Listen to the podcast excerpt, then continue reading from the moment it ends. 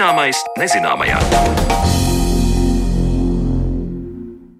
Esiet sveicināti redzējumā zināmais nezināmajā. Ar jums kopā turpmāko stundu būšu es Sandra Kropa, un šodien mēs runāsim par to, kādi tik dažādi tituli nav bijuši senākos laikos un ar ko tie atšķirs par baroniem, grāfiem un mužniekiem, un to, vai tiešām varam likt dažkārt vienādības zīmes starp viņiem runāsim raidījuma otrajā daļā, bet līdz tam palūkosimies, kādus tad pienākumus uzlika būšana par mužniekiem senākos laikos. Stāvoklis uzliek pienākums. Šo seno teicienu pilnībā var attiecināt uz mužniecību, sākot ar skolu un ceļu uzturēšanu līdz medicīniskai palīdzībai svecēm un adītām zeķēm mužas kalpotājiem. Šīs un vēl daudzas citas vajadzības bija jānodrošina mužniekiem. Vairāk par Baltijas baronu un grāfu pienākumiem klausieties Zanes Lācis ierakstā.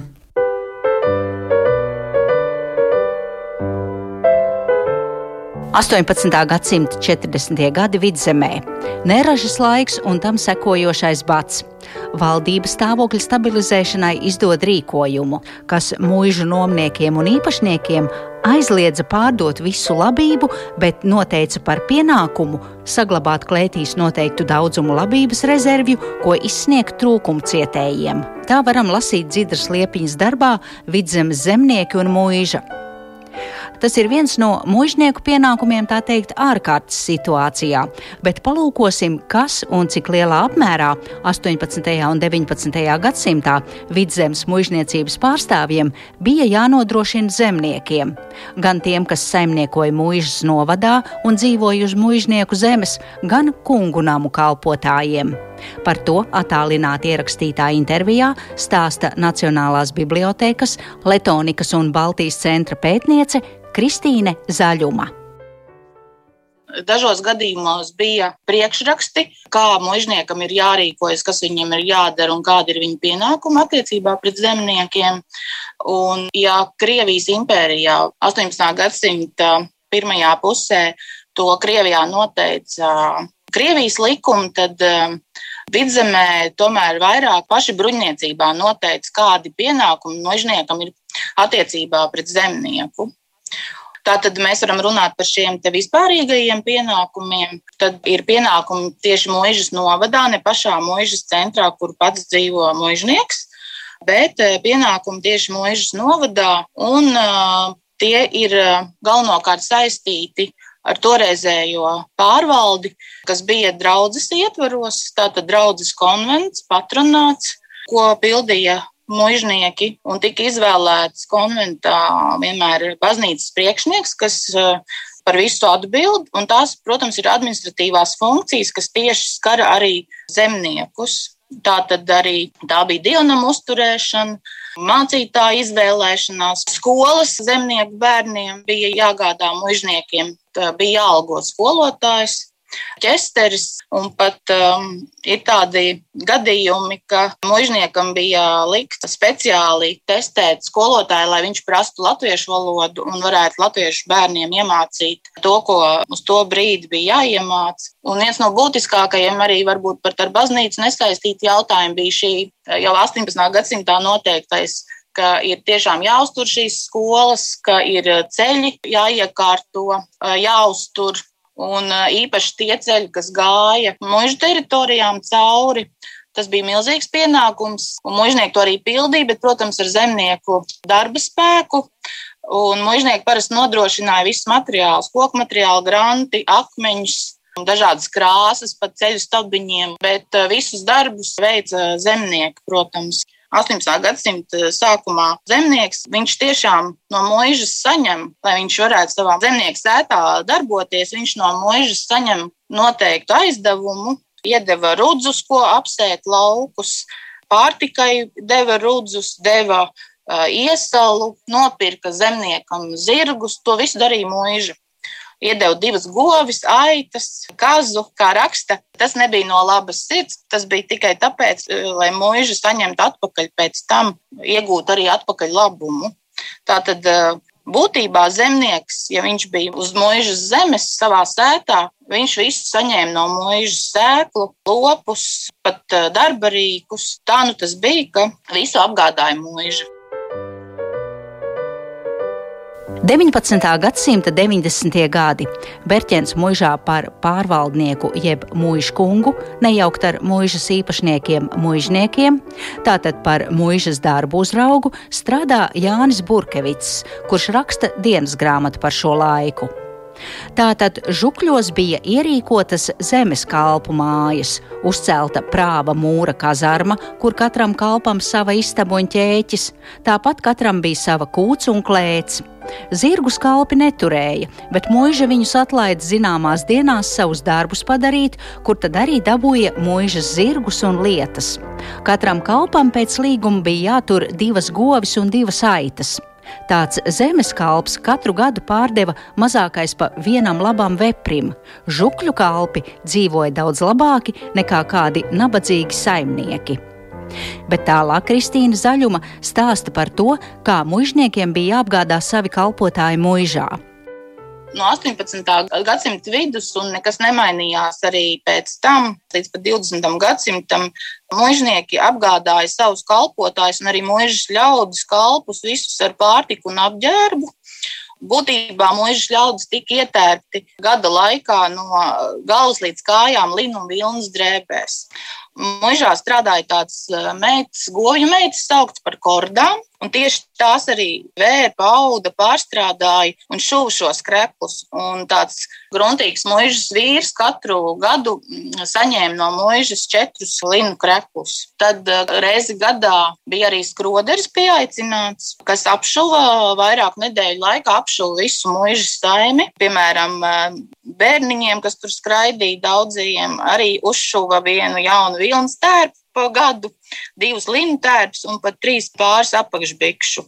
Jāsaka tā, ka lielāko tomēr tādu lielākais tā nodeva pret mūžas ļaudīm un zemniekiem, tā skaitā un kalpiem, bija tas, ka tie cilvēki, iedomājieties, katru dienu bija jāpabaro vidēji, piemēram, 30 personas pieaugušas un vēl, piemēram, 10 bērni, tad viņi vidēji nedēļā apēd 30 klaipas maizes, 6 litrus kaņepes sēklu, 8 litrus zirņu, lauku pupas arī 8 litrus, 25 litrus miežu putru. Liels patēriņš arī bija alum, to vienmēr piegādāja arī mūži saviem ļaudīm, un dienā vidēji saņēma katrs pieaugušais 2 litrus, bet eh, sievas, kas zīdīja bērnus, tām bija noteikts, ka viņas tikai drīkst izdzert vienu litru dienā. Nu, lūk, un to visu gādāja mūža.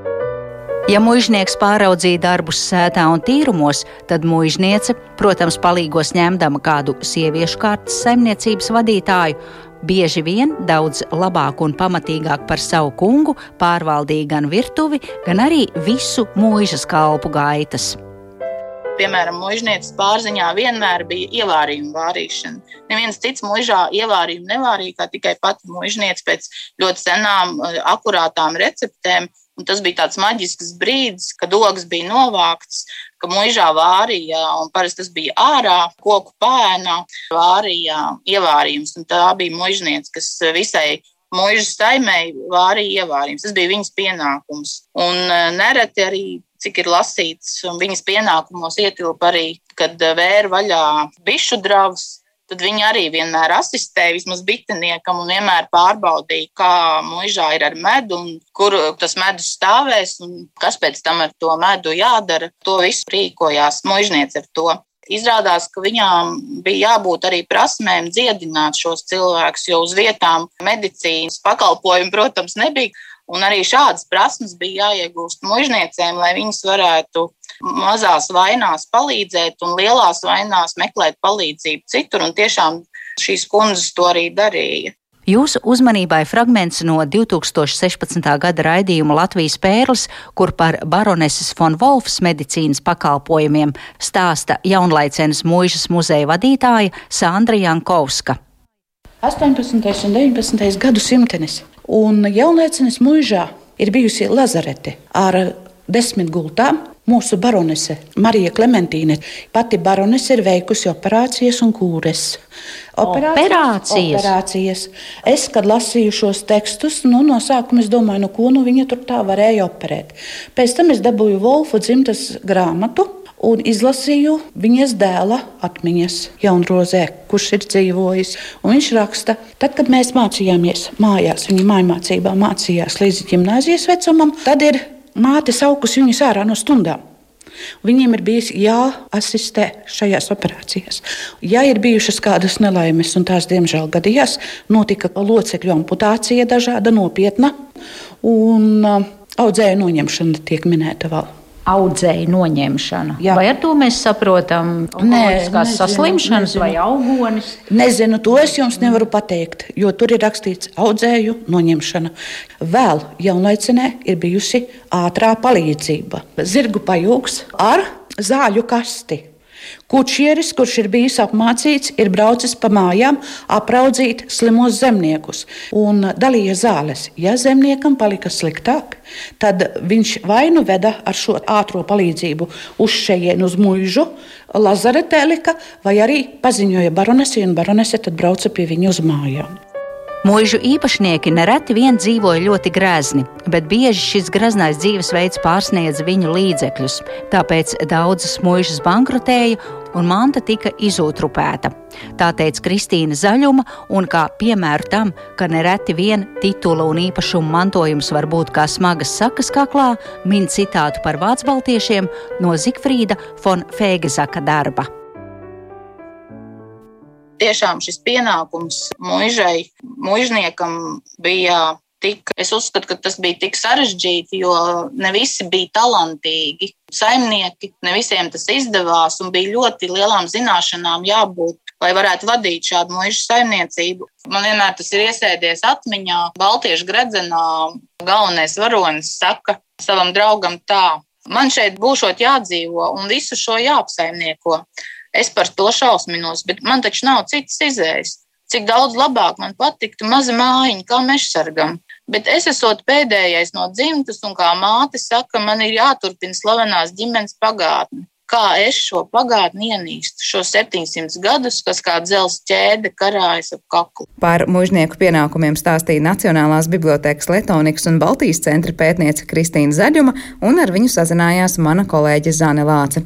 Bet par to, ar ko baroni, mužnieki, grāfi un daudz citi atšķirs cits no cita, mēs runāsim raidījuma turpinājumā.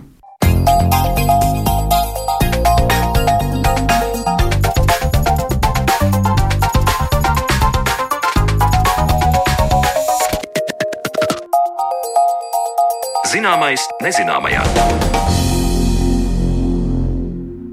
Grāfs, barons un hercogs. Esam viņus visus sastapuši Latvijas vēstures stāstos, taču kāda atšķirība starp šiem tituliem? Kādi mīti ir izplatīti par augstzimušajiem Latvijas teritorijā un kāda bija aristokrātijas nozīme Latvijas kultūrā? Atbildes uz visiem šiem jautājumiem mēs meklēsim kopā ar mākslas vēsturnieku Imānu Plansmanu. Labdien! Labdien!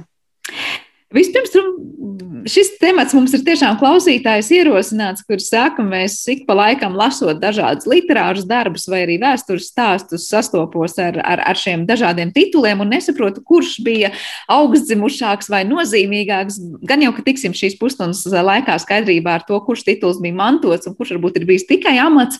Eh, bet sākumā varbūt jums jautāšu, kopš kura laika vispār mēs varam runāt Latvijā par aristokrātiju?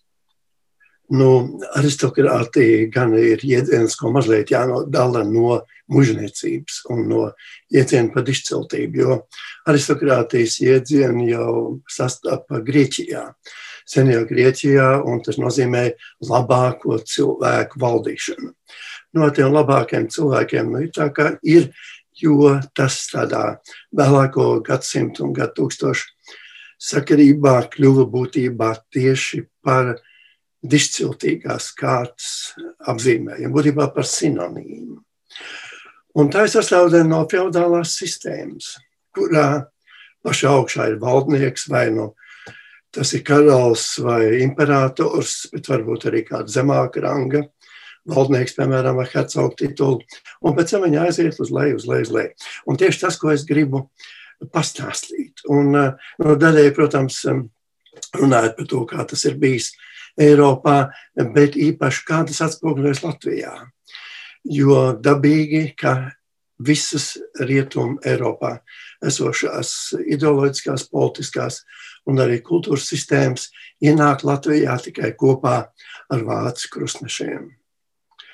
Nu, neiedziļinoties jautājumā, ko tas ir devis un ko atņēmis, līdz ar to tikai 12. gadsimta beigās Latvijas teritorijā parādās gan titulētas personas un parādās pārstāvušai feudālajai mužniecībai, ko toreiz varbūt nevar saukt par aristokrātiju. Tā vienkārši ir kasta, valdošā kasta, kuras rokās ir visa vara un kur arī taisa politika un taisa vispārējo. Un tātad Latvijā ienāk mužnieki un ienāk arī titulēts personas. Un tādējādi no 12. gadsimta beigām, būtībā līdz 1920. gadam, eh, kad satversmes sapulce likvidēja visas mužniecības korporācijas un eh, likvidēja viņa privilēģijas, eh, tas bija noteicošais spēks. Un Latvijā būtībā mēs arī varam izskot cauri visiem šo titulu pārstāvjiem. Nu, amizanti ir tas, ka jau Livonijas Indriča kronikā iet runa par latviešu karaļiem. Tur iet runa, lietojot latviešu, tas piedošana latīņu, apzīmēm reks karalis.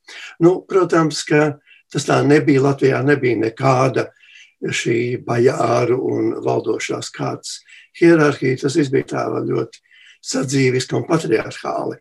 Bet tātad, katrā ziņā, šie vācieši gribēja ieraudzīt kaut kādu līdzīgu kārtu sistēmu Latvijā. Bet par karaļiem ar Latvijas teritorijā var runāt, jo e, beig beigās e, vidzeme piederēja Zviedrijas karalistē 17. gadsimtā, un savukārt atkal poļiem, polijas karalis bija kurzemes hercoga Lēņu kungs. Un līdz ar to mēs nonākam pie nākošā titula pēc nozīmības. Tas ir hercogs. Nu, hercogu tāda grupa, tā var teikt, ir ļoti nozīmīga visā Eiropā. Jo, ja mēs pastāmies teiksim, uz to pašu Franciju, kaut kur agrīnos viduslaikos, tur nav tāda stabila īsta Francijas karaļvalsts. Tur ir dažādas hercogistas, tur ir Bretaņas, Normandijas hercogi, tur ir grāfi, un katra no tām būtībā darbojās kā lielā mērā pastāvīga maza valstiņa. Un ar laiku tas kļūst par titulu. Jo, ja arī tajā pašā Francijā sākumā, teiksim, tāds Normandijas hercogs ir pavisam neatkarīga vienība, ar laiku izveidoties centralizētai Francijas karalistē, arī Francijā hercoga tituls ir vairs tituls. Tas ir goda apzīmējums. Un, ja mēs skatāmies teiksim, uz Versaļas galmu, uz Loja 14. galma, jā, tur muž no hercogiem, bet tie nav valdoši hercogi. Tie tituli, ko hercogs, ko piedošana karalis var piešķirt, viņš var atņemt, bet vienmēr tie ir saistīti ar kaut kādu zemes īpašumu. Un tāpēc arī vienmēr mēs redzam literatūrā, kaut arī pie tā paša Aleksandra Dimā, hercogs de, jo de nozīmē no. Tātad hercogs no Normandijas, hercogs no Bretaņas, vai arī, ja mēs pārmetamies uz Latviju, hercogs no Kurzemes. Bet es saprotu, ka hercogs šajā gadījumā tas nav vienādības zīme tomēr ar amatu, vai ne? Tas jūs teicāt, ir jābūt. Nē, tas zemē. nav. Nevienā gadījumā uh, amats nav identisks ar titulu. Tas tā var būt, var teiksim, noteikti titulu nesēji ieņemt kaut kādu amatu. Piemēram, interesanti tas, ka Svētās Romas impērijā bija daži dzimtu pārstāvi, kur vienmēr ieņēma kaut kāds noteikts amats. Tas bija mantojams amats, e, bet, e, bet tas absolūti nav likums. Līdz ar to savukārt kurzemē, kurzems hercogs bija Uslīds īsts valdnieks. Tas nebija tituls. 1561. gadā tātad pēdējais Livonijas ordeņa mestrs Gotkārds Ketlers saņēma no Polijas karaļa, kā savu lēņu kungu, jaun izveidotās kurzems un zemgals hercogists, hercoga titulu, kroni un viss, kas pie tā pieder. Jā, viņš bija īsts hercogs. Un līdz pat 1795 gadam, kad tronī jau bija Bīrona dinastija, tā bija valstiņa. Līdzīgi tā kā, piemēram, Vācijā. Ja mēs pastāmies uz Vāciju, ko mēs vienmēr saucam Vācija, tad iedomājieties, ka līdz 1808. gadam, līdz brīdim, kad Napoleons sagrāva Svētās Romas impēriju, tur bija simtiem hercogistu, firstu valstiņu, grāfistu un pat bija mazas baronijas. Un visām bija savas robežas, galvaspilsētas un galmi. Tas var likties tā ļoti kaut kā dīvaini, viduslaicīgi un savādi, bet nu, tā ir realitāte. Kas savukārt Vācijai deva ļoti daudz pīļu un ļoti daudz vēlēšanos katram valdniekam sevi apliecināt. Un tā jau tas bija arī kurzemē. Ņemsim vērā, ka Rundāls un Jelgavas pilis iespējams, protams, tikai kā valdnieka rezidents. Nu, labi, turklāt nāca vēl Krievijas imperators Ants Jānos labvēlību un tam vēl citi tēma, tēma par naudu. Bet no oficiālā viedokļa, jā, tās ir hercogu rezidents. Jūs tikko pieminējāt eh, līdz ar hercogiem grāfus, firstus un baronus. Varbūt liksim skaidrību, kurš šajā brīdī ir kaut kas līdzvērtīgs un kurš savukārt ir hierarhijā zem jā, kā. Jā, jā, tas ir ļoti svarīgi. Mēs tagad iesim pa hierarhijas trepītēm uz leju. Un nākošais tituls ir firsts. Un eh, firsts tas ir mazliet tāds sarežģīta lieta, jo eh, tam līdzvērtīgs tituls Francijā ir princis prāns un arī angliski prince. Un to apzīmē vienlaicīgi gan eh, valdošo namu eh, locekļu, teiksim, karaļa dēlu titulu, bet vienlaikus tas var būt arī mazas valstiņas eh, vadītājs, teiksim, Liechtensteina ir firsta valsts.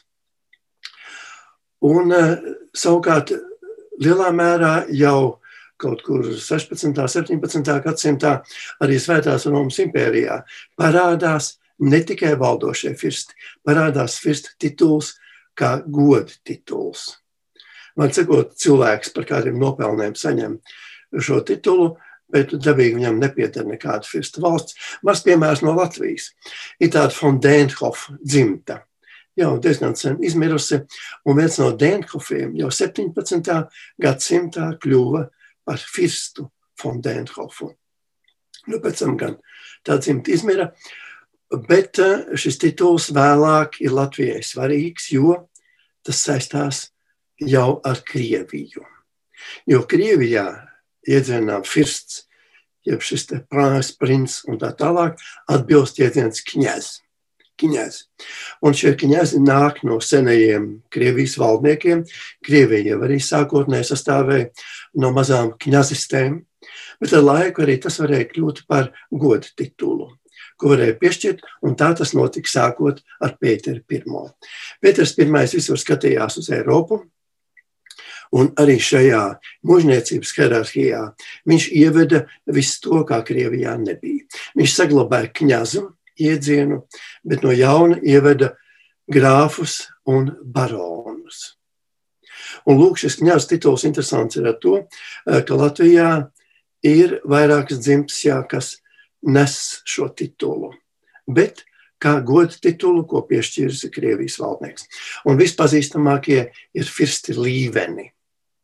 Un tas ir tituls, ko 1826. gadā grāfenē Šarlotei von Līvenai piešķīra Krievijas imperators Nikolais I. Tā bija mežotnes mūžas īpašniece, un ķēzeriskās ģimenes tā ļoti, ļoti pietuvināta persona, kas apcīt šo ķēzeru un viņa brāļus un māsas bija uzaudzinājusi. Un eh, tas piedāva šai dzimtē šeit īpaši spožumu un vēl vienu iemeslu dēļ. Pastāv Krievijā šīs kņazu divas sistēmas, ja tā var teikt. Un viena ir visgaišie kņazi, Svetļiešī kņazjā, un otra spožie kņazi, Sjaķinie kņazjā. Un, piemēram, savu favorītu Aleksandru Menšikovu, tas ir Pēters I, iecēla šajā visgaišo kņazu kārtā, tāpat kā vēlāk to dabūja arī mežotnes īpašniece Šarlota Līvena.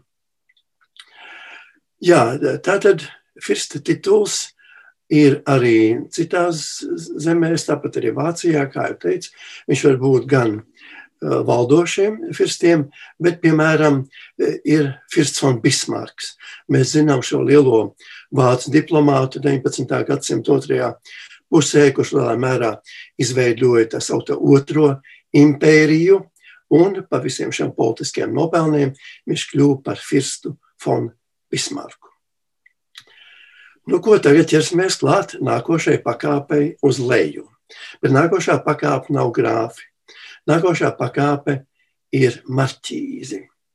Un te uzreiz varētu teikt, ka nu, Latvijā jau nav neviena vietējās mužniecības dzimta, eh, kas būtu ar marķīzi titulu.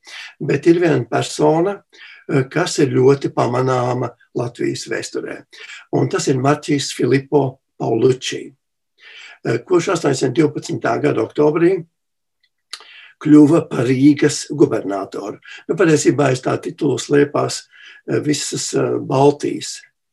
Tas ir arī Vidzemes, Kurzemes un Igaunijas ģenerālgubernators. Un viņš bija šajā amatā līdz 830. gadam, un tagad tas bija laiks pēc tam, kad bija diezgan zemi noplecināts pēc Franču Krievu kara. Viņš daudz ko darīja arī to starp Rīgas labiekārtošanas labā. Tātad maķīs. Jā, bet, nu, kā jau teicu, importa maķīs. Un tagad nāk ļoti plašā grāfu kārta. Un um, es uzreiz gribu pateikt, šos titulus var uzpazīt arī pēc viņa ģērboņiem. Un uzpazīt pēc tā, ka ģērboni nu, vairumā gadījumu vainago kronis. Un šī kroņa forma ir hierarhiska. Viņa ir noteiktā formā, noteikti kaut kādu šuburu skaitu vai tur uh, kroņa stīpu skaitu. Un pēc tā jūs jau varat momentāli pateikt, kāds tituls ir attiecīgā ģērboņa nesējam. Un lūk, tātad grāfi. Nu, arī jau teicu, ja grāfi var būt valdošie grāfi, bet tas var būt tituls. Un tas ir ļoti izplatīts tituls. Tāds varētu teikt, caurmēr vidējais. Un atrodams ir visās zemēs, un arī daudz viņu ir Latvijā. Nu, teiksim, ļoti daudz. Un vienmēr, protams, tas ir par dažādiem nopelniem. Vēl viens amizants piemērs. Nu, kā zināms, Hercogs Pēters aprecēja Doroteju von Meidemu. Un eh, tā kā valdošam hercogam neklājās aprecēt vienkāršu mūžnieci, tad tika izkārtot lieta tā, ka tajā brīdī, kad 1779. gada novembrī notika precības, eh, Dorotejs tēvs bija Vīnē, tātad Svētās Romas impērijas ķēzara kancelējā saņēmis grāfa diploma, kurš bija agrāk datēts.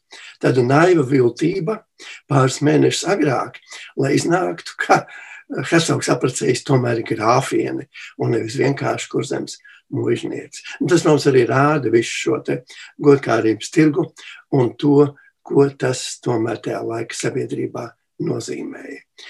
Nu, es jau pieminēju, ka diploms nāca no Vīnes, Un uzreiz man jāmin vēl viena tāda lieta. Es negribētu teikt, ka to varētu saukt par korupciju, bet Vīnē 18. gadsimtā tituli bija pērkami. Nu, protams, to vienmēr noformēja ļoti skaistā veidā, un tur bija iesniegums, kurā tā titula teiksim, atklāta pircēja. Nopelni bija tur skaisti sarindoti, un varbūt tāda arī bija, bet pamatā tas bija Svētās Romas impērijas ķēzarām, tātad Habsburgu dinastijai, bija jauks ienākuma avots. Un tā tas palika diezgan ilgi. Tātad grāfijā, grāfi un aiz grāfiem nāk vēl viena pakāpe, kas Latvijā nav. Tie ir vikonti. Vikonti ir eh, Francijā un vikonti ir eh, daudz arī Anglijā. Tātad tas kaut kas vidējs starp grāfu un baronu. Nu, Latvijā gan arī darbojušies, ir bijuši Vikonts, atceros ļoti amizanti vēl padomu laikā, bija kaut kad 70. gados Rīgā viens kaut kāds inženieris atbraucis, kurš izrādās bija Vikonts. Tā kā, nu, Francijā vispār viņi diezgan daudz, un grāfu jāsaka čum un muģi. Nu, mēs parunāsim par to jautājumu, ko šie tituli nozīmē mūsdienās un vispār vai kaut ko nozīmē vai nē. Un tagad ir nākošais un viens no visizplatītākajiem tituliem, un tas ir barona tituls. Un te uzreiz es negribētu ielaisties detaļās par kroņiem, bet vienu lietu no katras cilvēks varētu atcerēties. Barona kronim ir septiņi žuburi. Tad ir stīpa, kroņa stīpa, no kuras uz augšu izaug septiņi. Nu, redzam, redz, redz, to mēs iedomājamies. Viņa telpiski aizmugurē dabīgi tur ir vēl, bet attēlojumā redzam ir septiņi ar pēlītēm augšā. Un uzreiz pieminējuši arī jau grāfs, par ko mēs nu pat runājam, tiem ir deviņi žuburi. Tā kā pavisam vienkārši veids, kā atšķirt. Lūk, baroni. Nu, ja runā par baroniem, tad Latvija jau nu vispār liekas, ir viena vienīga baronu zeme. Un tā ir viena ļoti, ļoti izplatīta kļūda, ka Latvijā iedomājās, ka visi mužnieki bija baroni, kas nepavisam tā nav. Un eh, tas ir dīvaini, ka pat no nu, tāda zolīdu zinātnieku darbos tas kaut kā tā ir aizgājis un barons, barons no vienas vietas. Bet tur ir ļoti, ļoti jāskatās. Jo pamatā Latvijas mužniecība ilgu laiku nebija titulēti. Tie bija foni, gan Kurzemes hercogistē, gan, gan vidzemē, vienkārši foni. Un tad pakāpeniski jau 17. un 18. gadsimtā atsevišķas dzimtas, piemēram, Fontaubes, ieguva baronu titulu, ieguva ar diplomu. Un tad 19. gadsimta pirmajā pusē izveidojās tāda interesanta lieta, ka tāda zinām lobisma rezultātā Krievijas senāts pieņēma vairākos piegājienos tādu, varētu teikt, automātisku veselu rindu seno Baltijas dzimtu pārvēršanu par bano, baroniem ar senāta lēmumu. Un no tā brīža, jā, viena daļa ir baroni kļuvuši, oficiāli baroni, bet ne pavisam ne visi. Es atkārtoju, tas ir senās dzimtas, tās, kuras jau brīdī, kad sabruka Livonijas ordenis, jau bija uz vietas, kuriem piederēja mūžs, un bija kaut kādi nopelni. Bet vienalga vesela liela daļa palika vienkārši foni, un jau vairāk diplomēti, diplomētie foni. Un es jau pieminēju šo te vai nu nosodāmo, jeb ne, lietu ar diplomu tirgošanos Vīnē, imperatoriskajā kancelējā. Un, piemēram, arī Latvijā, Latvijā bija vesela rinda pilsonisku dzimtu, kas sakrājuši naudiņu, tirzniecību ar banku lietām, gribēja kļūt par pamužniekiem. Jo mm, lieta ir tāda, ka to brīdi mūžu nevarēja pirkt oficiāli. Viņa pilsonisks izcelsmes persona varēja tikai ķīlāt, nu, turēt kā ķīlīpšumu. Un tāpēc bija daudz, kur tā sakot, iegādājās šo mužniecību. Nu, piemēram, tāda dzimta kā Bērns von Rautenfelde, Bīnemaņi, von Bīnenštami un daudz citi. Viņi vienkārši nopirka to. Tad sanāk tā, ka uh, patiesībā bija laiks, ka, ja es saprotu pareizi, cilvēks jau ir mužnieks. Nē, viņš vienkārši ir kādas dzimtas pārstāvs, viņš iegādājoties tomēr kaut kādā veidā to mūžu kļuva par mužnieku, vai jūs runājat par to, kā mužnieks kļuva par baronu? Ziet, mužnieks, mužnieks ir vienkārši zemes īpašums, un tas nekādi nesaistās ar titulu. Mūžs var piederēt visam, kam sākot no karaļa un beidzot ar vienkārši fonu. Un pie tam uh, arī kā ķīla īpašums, es jau teicu, arī pilsoniskajai personai. Bet tā kā šie bagātie eh, biznesmeņi gribēja būt īsti mūža īpašnieki, viņi nopirka vinē šo titulu, kļuva par fonu, un līdz ar to ar laiku viņi iegāja arī vietējās mužniecības rindās. Un kas viņiem bija ļoti būtiski, viņas uzņēma ierakstīja vietējā mužniecības matrikulā. Un šī matrikula bija ārkārtīgi svarīgs punkts. Jo kurzems, starp citu, kurzems hercogists bija viena no pirmajām, ja ne pati pirmā visā Eiropā, kur izveidoja stingru, noslēgtu eh, tā sauktā bruņniecības korporācija. Bruņniecība nozīmē to, ka tās ir senās dzimtas ne tikai vienkārši muižu īpašnieki, jo arī Kurzems hercogists laikā daļa muižu piederēja, teiksim, poļu mužniekiem, uz kuriem, tā sakot, īstie kurzemes senodzīmu pārstāvs skatījās ļoti greizi. Un tātad šī korporācija, bruņniecības korporācija, kas pastāv, starp citu, joprojām, gan kurzemē, gan vidzemē, gan Igaunijā un Samsalē. Tātad lēnām arī šie foni, nopirktie foni, tur tomēr kaut kā tika uzņemti. Viņi apprecējās ar īstajiem mužniekiem un pamazām sasniedz to, ko viņi bija gribējuši. Jo tomēr jāatcerās uzreiz jau viena lieta, ka ja kādreiz šī te dišciltība bija varbūt kaut kas tāds ļoti svarīgs, no nu, konkrēti naudai, varai, tad 19. gadsimtā pakāpeniski tas kļūst par godkārības tirgus sastāvdaļu. Un mēs palasāmies to pašu Balzaku, piemēram, vai Stendālu, mēs redzam, kādā veidā, jebkurā Eiropas zemē, arī tajā pašā Francijā, kā viss cenšas izsisties un iekļūt augstākajā sabiedrībā. Un kas ir augstākā sabiedrība? Tā ir aristokrātija. Un uzreiz gribu teikt, jo šis godkārības tirgus nebūtu nav beidzies arī mūsdienās. Un arī Francijā, iedomājieties, republikas zeme, kur starp citu jau, nu, jau gadus 40 teiksim, valdības izsūtītos ielūkumos nedrīkst stāvēt neviens tituls. Ja? Jāparāda demokrātisms, bet patiesībā visi šie seno dzimtu pārstāvi joprojām ir tie, ar ko visi naudīgie grib draudzēties un, un, protams, arī ieprecēties.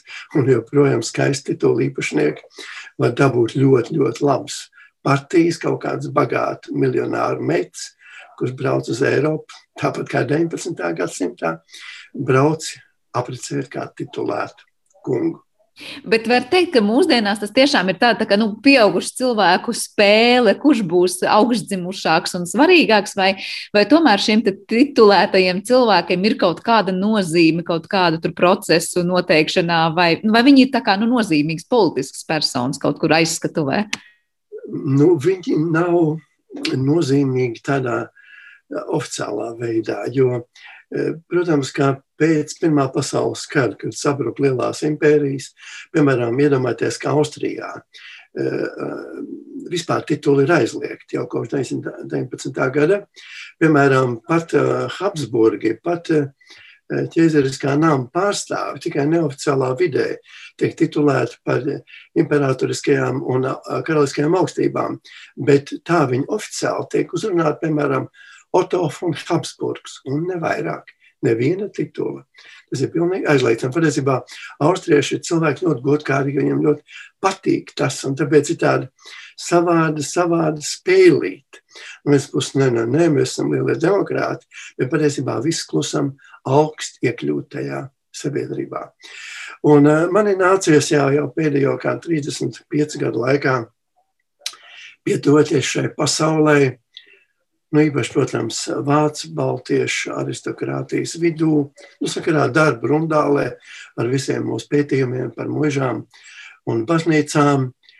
Un es tā, tā redzu visu to kopīgo ainu. Un, un tur ir ļoti arī interesants lietas, ko var, var pārunāt un kas eh, ir, ir, ir tādas nu, psiholoģiski interesants. Jo varētu teikt, ka 20. gadsimta laikā, un īpaši pēc Pirmā pasaules kara, patiešām nu, aristokrātija nogāja otrā plānā, nauda noteica visu. Es atkārtoju, arī nauda gribēja pietuvoties aristokrātijai. Un, un, un tagad pat ļoti interesanti.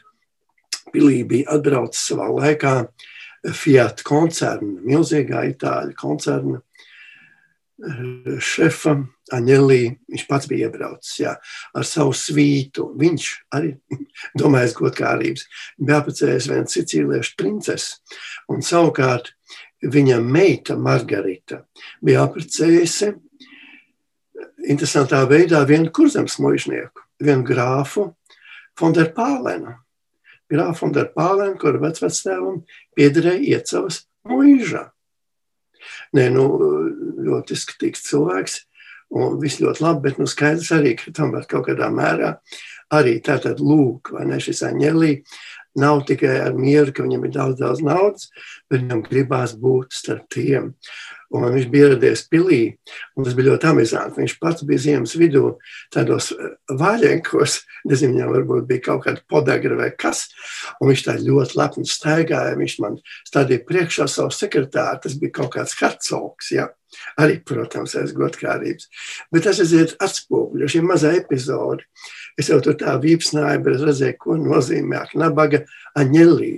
Viņam nepietiek, ka viņš ir visvarants un bagāts. Nē, viņam gribās iet lūk, lūk, tajā, tajā virzienā. Bet ko es gribēju teikt tieši par šo Baltijas mužniecību, par vidzemes un kurzemes bruņniecības pārstāvjiem, kurus es pazīstu diezgan plaši un labi. Un kas ir patīkami, ko teikt, tie ir ļoti, ļoti jauki cilvēki. Jo, redziet, Jēdzens Barons, viņš kaut kā sasaistījās savā laikā ar noteiktu sociālu kārtu, jo pats tituls jau nav nozīmums. Es viņu obligāti nestāvu ļaunu cilvēks, jo tikai nemot jau mužniecību saņēmu labu izglītību. Viņam iedves visādus jaukus, kristīgus tikumus, un daudz cilvēku jau arī tajos laikos bija izglītoti, bet tajā pašā laikā viņi darbojās atbilstoši savas kastes nu, tā sakot, automātiski radītāji vietai.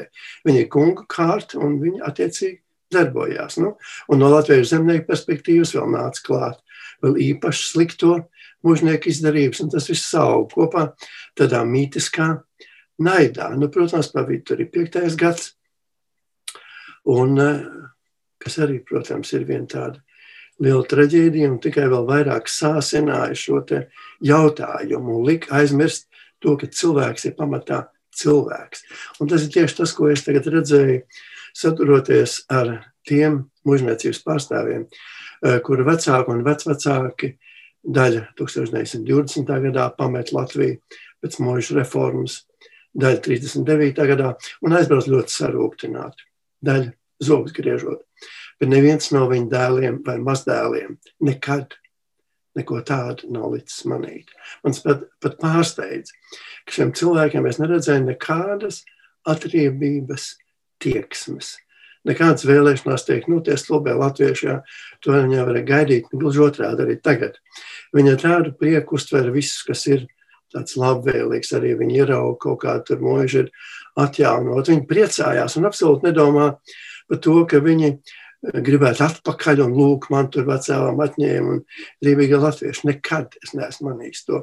Un, piemēram, tagad tāds ļoti interesants moments ir Lielvircavas mužā. Atgriezīsies uh, vesela rinda dzimts relikviju, tur dzimts portreti un mēbeles, uh, ko Barons von Klopmans, kur senčiem piederēja. Šie muža, ko viņš tagad deponēs, deponēs vienkārši prieka pēc, lai viņa senču mītne atkal dzīvot kopā ar tām mantām, kas kādreiz tur ir bijušas. Un tāpat arī mums muzejā šeit sadarbība ar visām mūža pētniecības lietām bija ārkārtīgi sekmīga, jo viņi grib to. Un mēs nerunājot par mūsu lielo draugu, kursās princenes Johanu Bīronu, kur es pazīstu jau no 87. gada un kurš tik daudz mums darījis. Un kurš ir tāds nu, patiesi paties draugs. Jā, edziet, tas rāda, eh, ka pāri visam tam, ko mēs sakam, mūžnieku baroni, ir jāatcerās viena lieta, kas ir pats galvenais. Tas ir cilvēks un cilvēks. Un vēl, ko es gribēju minēt, arī labi, tie būtu Baltijas mūžniecības pārstāvi, kur varbūt ir dabūjuši smagu dzīves skolu. Es gribēju teikt, pamatā tas, ka viņi tādi ļoti nu, mierīgi, tādi maigi rakstura cilvēki. Tas, Viņi ir izgājuši, un viņa vecāki izgāja cauri ārkārtīgi smagai dzīves skolai. 39. gads, otrais pasaules karš, pēckārt nabadzība. Bet ņemsim kaut, vai, kaut kādu arī citu grupu, kas ļoti interesanti Francijā. Arī franču aristokrātija, kurai nav bijuši šādi baigie triecieni, kur daudz dzīvo pilīs, ir ļoti jauki cilvēki. Un, un kas ir pavisam interesanti, jūs nekad no malas nepateiksiet, kas viņi ir. Lūdzu, neiedomājieties, ka hercogi un grāfi eh, brauca ar milzīgiem limuzīniem. Fui, tas skaitās galīgi, galīgi slikts tonis.